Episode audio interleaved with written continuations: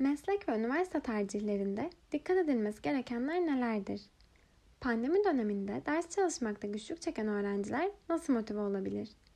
Hem sosyal hem de akademik anlamda başarılı olabilmek için hangi özellikler gereklidir? Duygusal zeka nedir? IQ ve EQ koordinasyonu nasıl sağlanır? Yankı Yazgan, Sakıp Sabancı Anadolu Lisesi öğrencilerinin sorularını cevaplıyor.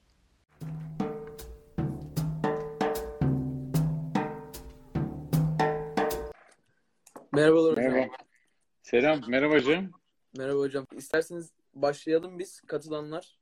Tamam, tabii ki ben e, kendimi sizlere bıraktım. Hocam zaten öncesinde şunu da söylemeliyim. Keşke şu an bu pandemiden dolayı e, sıkıntıdayız zaten. Keşke bu tartışmayı, keşke bu konuşmayı e, böyle daha yüz yüze olsaydı eminim hepimiz için çok daha güzel olacaktı. Ne fark ederdi Cem? Ne gibi farklar olurdu? Yani bunu Hocam ben- meraktan soruyorum. Şahsen ben e, yani tamam yine böyle de hani göz göze yani göz göze olmasa da yani görüyoruz birbirimizi. Fakat ben e, fiziksel bir şekilde aynı ortamda bulunmanın çok önemli bir faktör olduğunu düşünüyorum. Evet. Bu arkadaşlarımla konuşurken de şu an benim e, okulda görüştüğüm arkadaşlarımla bir kafede, bir bahçede görüşmemle şu an telefonla görüşmem aynı değil maalesef. E, o yüzden yüz yüze ve e, aynı ortamda bulunmak, aynı oksijeni solumak e, benim için daha önemli, benim için daha hoş. Yani e, bir tür adeta kendi ihtiyaçlarımıza o kadar gömülüyoruz ki Kesinlikle. evet. e, başkalarını unutabiliyoruz. E, bu da iyi hissettirmiyor insana ama. Yalnız, yalnız hissettiriyor. Ne güzel söyledin. Şimdi o zaman başlayalım ilk soruyla. Hadi. Şu an Hı hı. 16 yaşınızdaki halinize bir tavsiye verebilecek olsaydınız hangi tavsiyeyi verirdiniz? Eyvah. Ee, şöyle ben bir kere 16 yaşımı geçen yüzyılda yaşadım. Ee, Bu arada hocam Yemin- bunu söylemem gerekiyor. Kesinlikle hiç göstermiyorsunuz yaşınızı. ha yaşımda göstermiyorum. Evet ya, e, tabii 60'lı yaşlar deyince insanlardan çok yaşlı insanlar geliyor. Halbuki 60'lı yaşındaki hislerimizle 16 yaşındaki hislerimiz arasında fark şu kadarcık yani. 7'de neyse 70'de öyle oluyoruz hocam. Bravo. Ee, değişen ne? Belki ona da birazdan değiniriz. Değişen şeyler var tabii ki. Ama 16... Şimdi bu soruyu ben şöyle yaptım Cem. Bu çok önemli bir soru ve bu soruyu ben de defalarca düşünmüşlüğüm var. Ee, ve bunu okulumuzdan sizin okulunuza benzeyen e, bir başka okuldan Ankara Fen Lisesi'nden ben mezunum. Aynı zamanda da ortaokulda Bornova Anadolu Lisesi'nde yine sizin okulunuza daha da çok benzeyen bir okulda okudum. Bu okuldan mezun olduğum, birlikte okuduğum arkadaşlarıma 40 yıl sonra sordum. Anket yaptım. Sadece kendim değil. 40 yıl sonra sordum. Ee, dedim ki arkadaşlar neredeyse %50'si 60'sına da ulaşabildim. Aramızdan ölenler var. izini kaybettiklerimiz var. Hani bazı şeyler de var ama çoğuna ulaştık. Ve arkadaşlarımızın söyledikleri hepimizin birbirine benziyordu. Bir kısmımız diyordu ki örneğin bu Fen e, Lisesi e, okulunda, Ankara Fen Lisesi'nde keşke daha fazla sanat, kültür, spor, müzik gibi konularla biz ilgilenseydik diyorlar.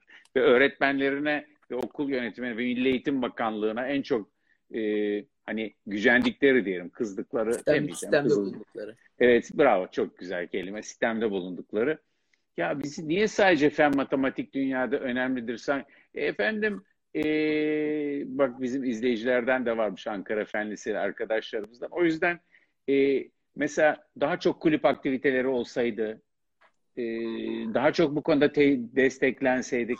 Ha, belki de şöyle bir şey ama bir yandan kendi aramızda da konuşuyoruz ki hepimiz aman işte notlarımız iyi olsun, sınavda iyi puan alalım e, peşindeydik. Sanki e, tek bir alanda de- derinlemesine gitsek, yani işte daha çok 100 yerine bin tane matematik sorusu çözmek, gidip bir tane bir roman ya da bir okumaktan ya da bir gidip bir bir konser dinlemekten daha iyiymiş gibi geliyordu. Sanki öyle bir şey yaptığımızda e, yanlış bir şey yapıyormuşuz gibi geliyordu. Dediğim gibi biraz dünyamı daha geniş tutabilmek isterdim. E, yani e, hakikaten e, dersler tabii yani dersler önemlidir, önemsizdir bunu tartışacak halde değiliz yani buradaki şeyde. Çünkü Kesinlikle. e, bir kere bir görev ve sorumluluk mantığıyla bakıyoruz. E, çünkü ben bazen hani ya bu ders benim ne ileride ne işime yarayacak sorusunu hiç sevmem. Neden sevmediğimi söyleyeyim. İlerinin nasıl olduğunu bilmiyoruz ki işimize yarayıp yaramayacağını bilelim. Şimdi Kesinlikle. ilerisi nasıl bir şey? Şimdi geçen yıldan, geçen yıl bu zaman biz bu görüşmeyi yapıyor olsaydık okulumuzda yüz yüze yapıyor olacaktık. Geçen yıl daha kulübü kuramamıştık. O yüzden bir araya gelemedik. Ancak oldu. E, ve e, bu ıı, şeye baktığımızda o zaman e, bugünü görebiliyor muyduk? Böyle bir şey olabileceğini aklımıza asla, bile gelmiyordu. Asla. Aklımıza. Şimdi o nedenle gelecekte bu işime yarar, bu yaramaz, ne lüzum var? Bu çok yanlış bir düşünce tarzı. Ha, zaten e, gelecekte ne olacağını bilmiyoruz bir. Bir de bir e, tabii bu sanat derken yani böyle bir e, sanatçı olma anlamındaki sanattan bahsetmiyorum. Sanat, müzik, edebiyat gibi hani böyle fen matematik bir yerde, diğerleri bir yerde gibi bir hava oluyor ya bazen. Ya da beden, bedensel e, beden eğitimi bence çok kritik konulardan birisi. Vücudumuzu kullanmaya öğrenmek, e, zihnimizi kullanmanın bir parçası. Burada e, sanırım aslında derslerin bir şekilde birbirine entegre edilmesi de gerekiyor. Örneğin ben bir örnek vereyim. Yani ben lise öğretmenliği yapmadım. Tıp fakültesi hocalığı yapıyorum. Lise öğretmenliği çok daha zor ama daha zevkli olduğunu tahmin ediyorum, düşünüyorum. Ee, örneğin e, hasta muayenesi yapmayı öğretiyoruz çocuklara. Hasta muayenesi yapmanın önemli bir kısmı bakmaktır. Hani bu televizyonda Doktor House falan izliyorsanız o tip şeylerde şöyle bir bakıp anlıyor ya. Yani o kadar değil, biraz abartı o. Ee, dikkatli bakmayı öğrenmek, parçalar arasındaki ilişkileri, tek bir yere takılıp kalmamayı, bütünün içinde o nereye düşüyoru görmeyi. Yani şöyle düşün, adama bakıyorsun birisine mesela, aa bir kulağı yok diyorsun mesela, bir kulağında bir oluşmamış. Diğer kulağın olup olmamadığı da çok önemli. Çünkü tek kulağı eksikse bir kaza geçirmiş olma ihtimali var iki kulak birden eksikse genetik bir dismorfi olma ihtimali. Yani bir, bir tür Sherlock Holmes'luk yapmak gibi. Biz öğrencilerle e, ek olarak yaptığımız aktivitelerde örneğin bir sanat eserine bakmayı, beraberce bir resme bakıyoruz. Büyük işte Picasso'nun ya da El Greco'nun ya da ne bileyim aklına gelebilecek tanınmış birinin. O resmi incelediğimizde tabii ki bir sanat uzmanı olmak üzere bakmıyoruz ama bir şeyi bakmak orada bize ne gösteriliyor? Gösterilmeyen ne var? Örneğin resimlerde, bu klasik resimlerde aynalar olur. Aynadan bir görüntü olur. Mesela ressamın görüntüsü aynadan gözüküyor. Aynadan görüntüyü yakalamak. Ya da ressam solak mıymış, sağlak mıymış onu düşünmek. Bu gibi şeyler. Biraz bunun gibi bir şey. Ya da bir kitap okuduğunda bir hastanın hikayesini dinlemek diyoruz. Yani bir problem nasıl ortaya çıktığı dinlediğimizde eğer bir hikaye okumayı bilmeyen birisi ise karşımızdakinin anlattığı hikayeyi de sadece bir ezberlenecek bir metin gibi anlıyoruz. Halbuki bir hikaye dinlediğimizde onu özetlemek, parçalara ayırmak bu gibi şeyler de önemli. O nedenle ben e, bunu böyle bir ek aktivite olarak bile önermiyorum. İşin içinde olduğunu. Yani ben tıp dersini resim göstererek yapılan, yapıl, yapılmasından taraftar olanlardanım. Yani oradan anla. Anladım hocam. Hocam e, diğer soruya geçelim istiyorsan, istiyorsanız. Tabii ki. Hocam biz şimdi meslek ve üniversite tercih ederken nelere dikkat etmeliyiz? Çok önemli bir tercih. Bu çok önemli tercihi bu kadar erken yaşta kesinleştirmek zorunda kalmak da e, sizlere bir haksızlık ama bu bir gerçek. Hani bunun için bu böyle olmasın demek yetmiyor. O nedenle bu şartlarda, bu dönemde ne birincisi sanırım e, kendiniz özelliklerinizi iyi tanımanız önemli. Özellik derken öncelikle mesela akademik beceriler, hangi alana yatkınsınız, hangi alandan zevk alıyorsunuz, hangi konular ilginizi çekiyor.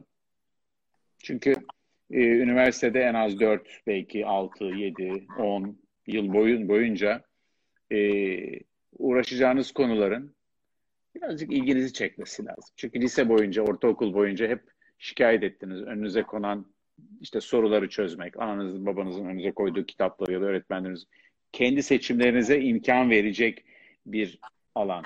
Bu her zaman böyle en popüler alan olmayabiliyor. Birçok e, popüler olmayan bir alana gitme cesaretim var mı yok mu onu düşünmek lazım. Bir başka şey bazı çocuklar diyorlar ki ya biz bu konuları anamız babamızla da konuşmalı mıyız? Ne dersiniz? Anamız babamızın bizim meslek seçimimizde hiç mi bir söz hakları olmamalı? Hak demeyeyim de görüşlerini nasıl değerlendirebiliriz?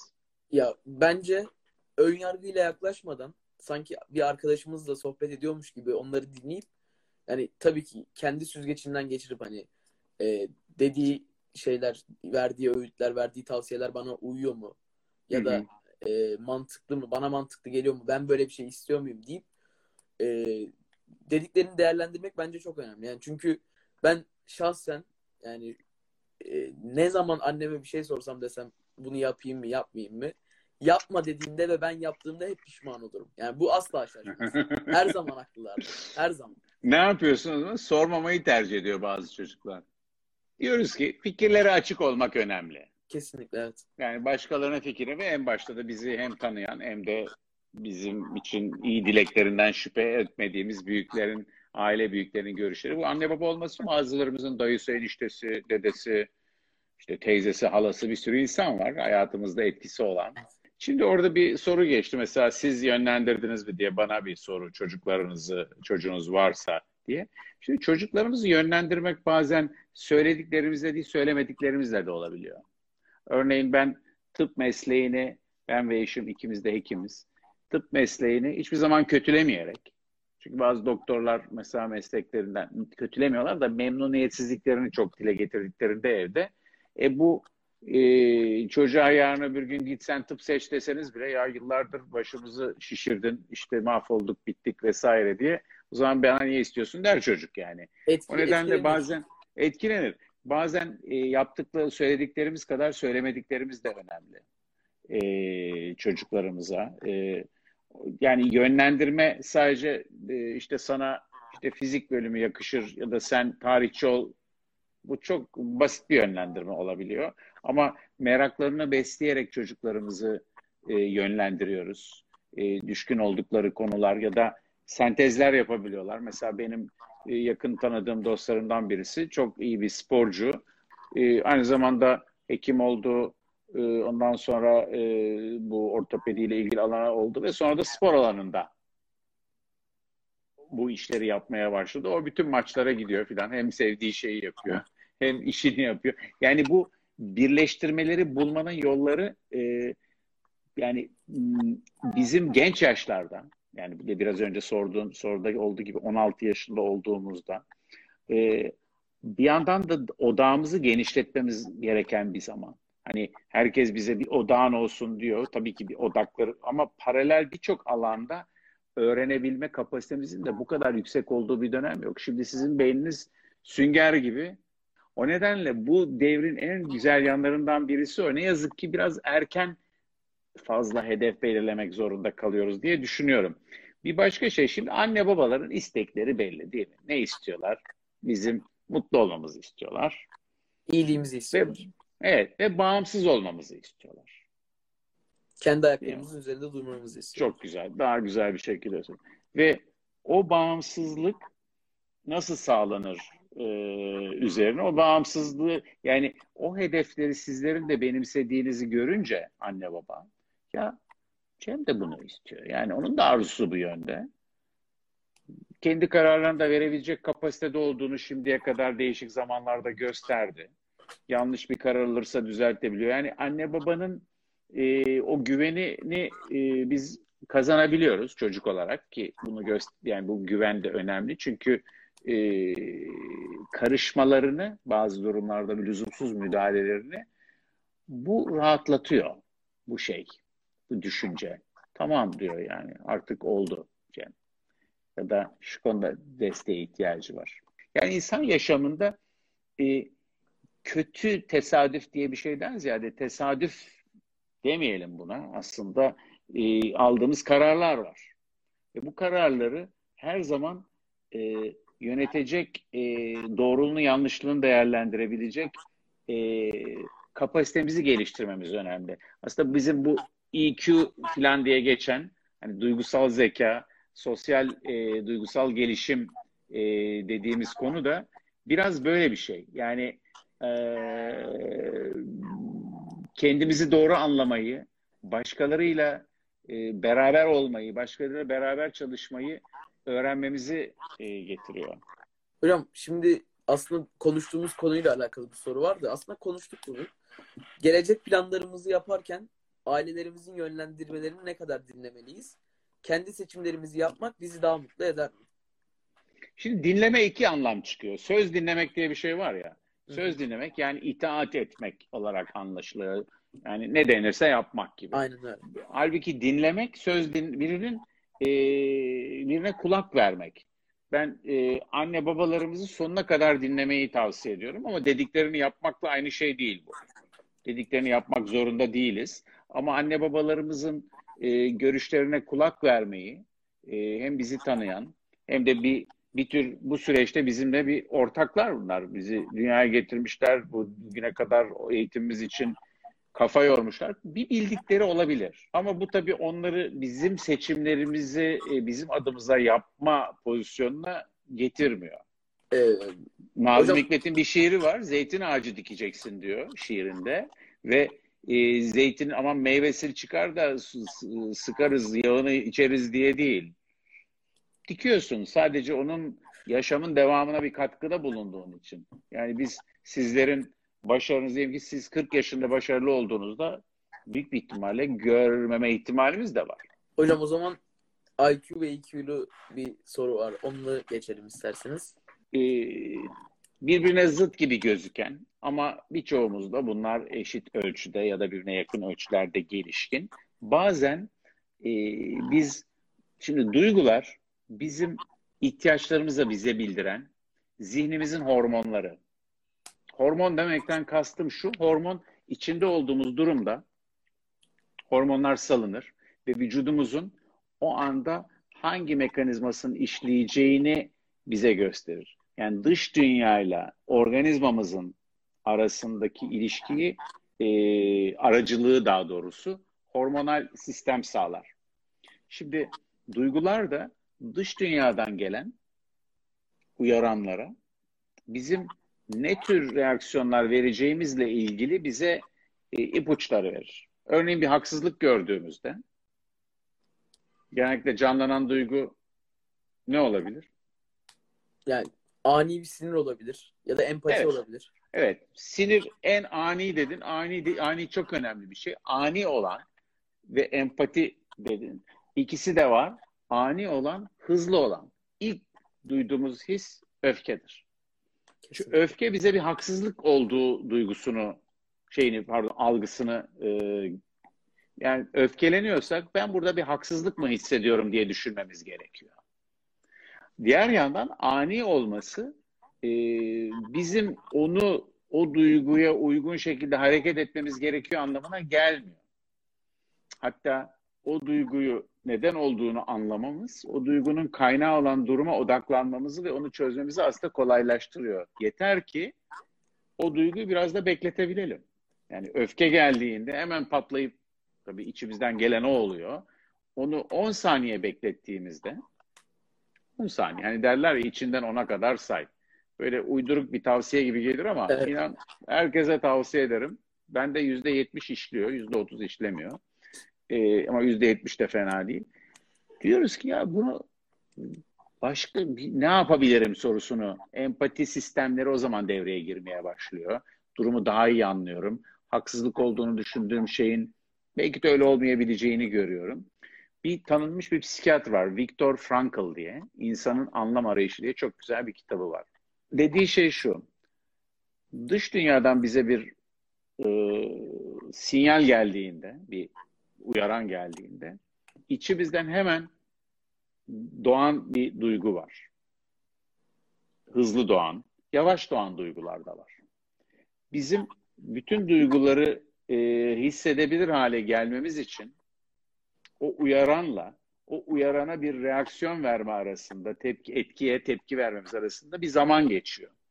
Eğer o zamanı bekleyebilirsek bütün duyguları hissedebilir ve durumu e, duruma en uygun reaksiyonu seçebiliriz.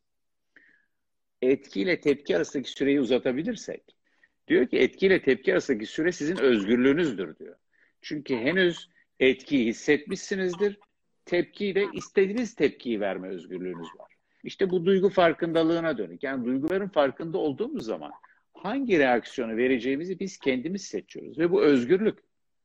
Öbür türlü o anda ne hissedersek onun peşinden sürüklenip gidiyoruz. Hani selin önüne kapılıp gitmiş gibi. Ve o zaman da biz yaşamımızın kontrolünde olmuyoruz. O nedenle ben anne babalarla çocuklar arasında meslek seçimi mesela gibi ya da işte ne yapılacak ne edilecek, kimle arkadaşlık edeceğiz, kaç saat oyun oynayacağız vesaire gibi böyle kritik konuların bile e, bu şekilde düşünerek, duyguların etkisini fark ederek, sindirerek ama anında onların önüne kapılıp sünür, e, sürüklenmeden yaptığımızda bu tartışmalardan anlamlı şeyler çıkıyor. Hocam ee, ben şu soruyu soracağım. Ee, Türkiye eğitim sisteminde sosyal ve akademik anlamda çift yönlü olabilmek biraz zor. Ve hayatta bu ikisini bir arada yürütebilenler yani işte konuştuğumuz gibi IQ ve EQ koordinasyonunu sağlayabilenler başarılı oluyor. Ee, biz bu koordinasyonu sağlayabilmek için e, ne gibi özelliklere sahip olmak lazım? Yani e, ne yapmalıyız? Ve e, EQ yani dediğiniz gibi duygusal zekası gelişmiş olan kişiler cidden hayatta başarılı oluyor mu? Yani bunu gözlemleyebiliyor musunuz? Yani şey var şu diyelim ki birçok okulda birçok e, işte e, parlak insanların yani hani analitik zekası yüksek hani IQ'su çok yüksek insanların e, birbirine eşit bir sürü insan var. O rekabetin bir, bir manası da pek kalmıyor.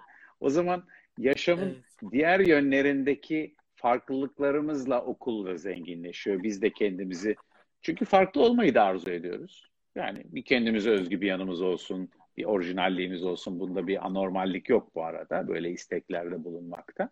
Ee, başkalarını ezerek veya başkalarına zarar vererek yapmadığımız her türlü farklılaştırma kendimizi e, ileri bir adım. Şimdi bu gözle baktığımızda EQ dediğimiz sosyal duygusal gelişimin e, en önemli yanı geliştirilebilir olması. Bir bunu sadece bir e, analitik zeka gibi daha doğuştan gelen bir özellikten ziyade geliştirilebilir yanları olduğunu görüyoruz. Bazılarımız daha yatkın olabilir, bazılarımız daha az yatkın olabilir. Geliştirilebilir olduğunu biliyoruz ve bu geliştirilebilir bazen bir matematik probleminde seçtiğimiz örnekten dil yani dili doğru kullanmamızda ben e, duygusal zekayı gelişmenin önemli özelliklerinden birinin örneğin kelime bilgisinin artmasının etkisi olduğuna dair yayınlar var. E, bunun için matematikçi, fizikçi ya da başka bir şeyci olmak gerekmiyor. Bu çünkü biz insan yapan özelliklerimiz. Duygusal zeka denen şey hepimizi insan yapan ama yaşamın zorluklarının bazen bizim üzerinde durmamızı engellediği, e, yeterli zamanı ayırmadığımız için besleyemediğimiz özelliklerimiz. Hepimizde olan. Onun için ben aslında bir araya gelmenin, sadece bir araya geliyor olmanın, kulüpler bu anlamda güzel bir aktivite, arkadaş grupları böyle. Peki hocam kelime çeşitliliğini e, kitap okuyarak arttırabilir miyiz? Bence, Olabilir. Yani çünkü yani mesela ilk kelime çeşitliliği deyince şahsen benim aklıma e, ne kadar çok şey okursak e, gerek kitap olsun gerek işte araştırmalar olsun bunun artacağı yani yönünde düşündüm. Doğru. Doğru. Bir de bunu arttırmanın hani şimdi bazı arkadaşlarımız ben hatırlıyorum. Lisede benim bir arkadaşım vardı. E, bu kelime bilgisini arttırmak için e, şeyi bir sözlük ezberlemeye karar vermişti. E, dinlemek önemli. Kitap okunabilir. Çok güzel şimdi bazı arkadaşlarımız okumaya üşeniyor ama kitap dinlenebiliyor. Dinleme kitaplar var biliyorsun. Evet, evet. Ee, bir de şöyle bazı kelimeleri belki düşünmek, sözlüğü açıp bakmak. Hocam bir diğer soru bu e, dediğim gibi yine yaşıtlarım ben ve yaşıtlarımın çektiği yine problemlerden birisi. E, pandemi döneminde ders çalışma motivasyonumuzu sağlamakta çok zorlanıyoruz. Nasıl motive edebiliriz kendimizi ve e, ben bu zorlanma zorlanmanın neden, nedeni bence bir rekabet ortamı yok şu an. Yani hmm. e, ben şimdi mesela okuldayken kendimi düşünüyorum. Yanımdaki arkadaşım ders çalışıyor. E, sağımdaki solumdaki herkes ve hani o rekabet ortamını görüp sen de buna dahil oluyorsun. Yani istenmeden birbirine arkadaşlar birbirlerini etkiliyor. Fakat şu an tek başımıza olduğumuz için her şeyde yani online derste bile kimsenin işte hoca geliyor anlatıyor bize bir şeyler. Biz not alıyoruz, öğrenmeye çalışıyoruz. O rekabet ortamı yok. Bence bu yüzden sıkıntı çekiyoruz. Yani başkalarıyla birlikte olduğumuzda rekabet de e, her zaman olumsuz bir durum değil. Yani bir sokağın köşesine kadar kim önce koşacak demek gibi bir şey rekabet. Hani illa başka birini e, ezeyim, e, o mahvolsun. Birbirlerimize destek olduğumuz bir şey aslında rekabet. Çok doğru. Rekabet işbirliğiyle beraberse hani bu oyunlarda, maçlarda fair play var ya beraber olma, beraber olmanın verdiği o tatlı itişme diyelim ona. Bir tür arkadaşlar arasındaki itişme, çekişme ve bizi e, beraber yalnız olmak zor.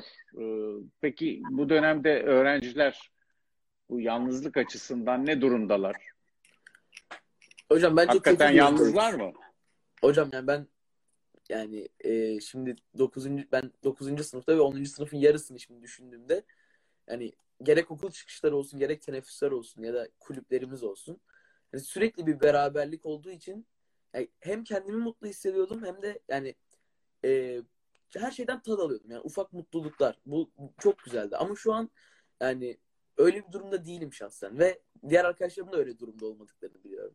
Yani sokağa çıkamıyoruz. Hiçbir arkadaşımızı göremiyoruz. İşte şu an yaptığımız gibi aynı şekilde bazen görüntülü sohbetler. Bazen hiç konuşmadan yan yana oturmak da insana iyi gelen bir şeydir. Kesinlikle. İki arkadaşın bir çünkü konuşmaya çalışmak zorunda olmamak bile karşımızdakiyle o sıcaklıkla, yakınlıkla ilgili bir şey. O rahatlığa ihtiyacımız var. Yaşıtlarımızdan yoksun kalmak önemli bir eksiklik oldu bu dönemde. Yaşıtlarımızla bildiğimiz e, bilmediğimiz bir e, bilmediğimiz koşullarda onlarla ilişkide ilişki sürdürmeye çalışmayı öğrendik bir yandan. Bir yandan da bunu öğreniyoruz. Evet. Yani bir yandan yaşamın akışı içerisinde o duruma özgü bir uyum gösterebiliyoruz. Mesela hocam Bu... ben uyum Hı-hı. gösterdiğim mesela bir dizi ya da film izliyorum. Orada insanlar maskesiz bir şekilde işte otobüse ya da metroya biniyor. Ben hani çok garip hissediyorum kendimi hani yani çünkü o kadar alışmışız ki artık dediğiniz gibi çok uyum göstermişiz duruma. Şimdi buna tekinsizlik diye bir kavram var psikoloji, psikoterapi literatüründe. Yani o her zaman bildiğimiz yerin bildikliğine yitirmesi gibi bir şey. Doğup büyüdüğümüz yeri, sokaklarını arşınladığımız mahalleyi e, görünüşte bir değişiklik yok ama bir değişiklik var. Peki ben şeyi merak ediyorum. Şimdi tabii biz çoğumuz e, çok kişi büyük bir yokluk yoksulluk içinde değil e, öyle baktığımızda.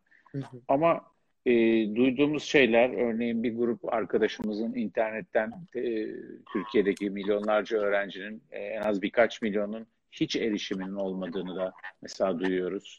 Hocam ee, bizde bunlara de ne diyorsunuz? Oluyor. Bunlar nasıl etkiliyor sizleri? Ya bizde de mesela bazen kopukluklar yaşıyoruz. Ee, ya bu tabii ki kötü etkiliyor ama telafisi olmayacak şeyler mi? Hayır değil. Telafisi yapılabiliyor. Yani biz neyse ki yapabiliyoruz yani. Şükürler olsun ki biz bunu yapabiliyoruz ama cidden yapamayan çok fazla insan var. Çok fazla yaşıtımız var.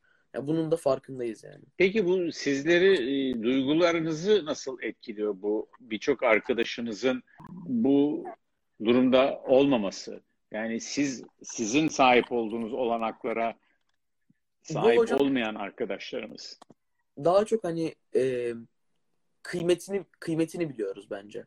Hı.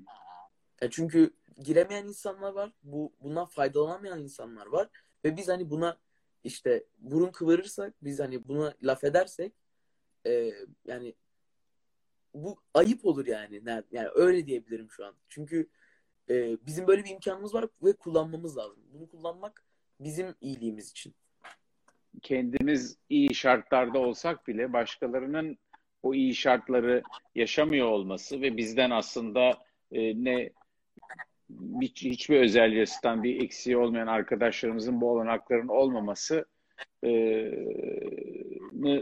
yani yarattığı negatif duygular var insanda. E, ve bu bizi zorluyor. Eşitsizlik deniyor buna. O eşitsizliğin incitici bir yanı var. Ruhsal yapımızı da bozuyor bizim. Yani bu e, diyebiliriz ki ne yapalım bizim yapalım. Yani tabii ki bizim sebep olduğumuz bir durum olmayabilir ama acaba ne yapabiliriz sorusunu bu eşitsizlikleri düzeltmek için. E, bir, o nedenle birçok yardımlaşma çalışmaları, birbirine destek olma çalışmaları, kardeş okul çalışmaları gibi şeyleri de duyuyorum. O konularda da hani düşünmeyi e, istiyorum düşünmesini herkesin. Hocam e, Evet. biz e, şimdi sonuçta evde çok vakit geçiriyoruz. Şu an herkes evde e, geçirdiğinden çok daha fazla vakit geçiriyor. Biz bu vakti nasıl daha verimli geçirebiliriz sizce? Yani ben böyle e, açıkçası çok verimli bir dönemde kendimi görmediğim bir zamandayız. Ben de benim de verimim düştü. E, birincisi ha, yani bunu bir teselli olarak söylemiyorum yani. Hakikaten verimi ki fena verim e, verimli çalışan birisiydim genel olarak. Verimimde bir düşüş var. Bir e, konsantrasyonumu eskisi kadar iyi görmüyorum. Hani Covid geçirmenin de etkisi olabilir ama genel durumun da etkisi olduğunu düşünüyorum. E, şöyle bir şey, belki e, verimlilik tanımını bu dönem için e, revize etmemiz faydalı olabilir. Yani biraz hedefi aşağı çekmek diyorum ben. E, çok e, eski verimliliğimizi tutturamayacağımızı kabul etmek, daha düşük bir verimlilik seviyesi saptamak ilk iş olabilir. Çünkü aksi takdirde devamlı yapamadığımız, yetişemediğimiz işler e, ve verimsizliğimiz bizim aklımızı kurcalayıp bizi daha da aşağı çekmeye başlıyor. Yani yapabileceğimiz kadarını da yapamamaya başladığımız bir durum oluyor. Durumun sıra dışılığı e, kendimizden beklentimizi değiştirmemizi getiriyor. E, o zaman onu planlamak ve odaklamak, öncelikleri tayin etmek, ilgimizi çekenler, gerekli olanlar, önemli olanlar gibi bir sıralama yapıyorum verimliliği arttırmak için. İyi kötü bir buna bir planlama diyelim ama e, gerekli, önemli, ilginç üzerinden sınıflandırma yapmak ve gitmek birazcık benim verimimi olumlu etkiledi. Şöyle, geçen yıl bu zamandaki verimimin altındayım. Hocam Bunu kabul ettim. herkes öyle. Evet. Yani, e, Bu rahatlatıyor ama değil mi? Herkesin öyle olduğunu duymak da fena değil. Şimdi söyledim benim yüzüm hemen güldü. Aa yaşasın falan. Ben çok teşekkür ederim hem kendim adıma hem kulübümüz adına. E, çok güzel bir sohbetti benim için de. Ee, teşekkür ederim. Sakıp Sabancı Anadolu Lisesi'nin yönetimine, öğretmenlerine, psikolojik danışmanlık servisine, bu projede e, işbirliğimiz olan destekçimiz Sabancı Vakfı'na e, ve en önemlisi okulda e, bütün dolu gündemleri, kalabalık gündemleri arasında bu yeni bakış açısına e, zihinlerini açan yüzlerce öğrenciye çeşitli faaliyetlerimizde girip kendilerini dönüştürme için ipuçlarını almaya hazır öğrencilere teşekkür ediyoruz. Onların e, adına da Cem Cem'e Ben de size teşekkür teşekkür ediyoruz. ederim. O zaman herkese iyi akşamlar dileyelim. İyi akşamlar hocam.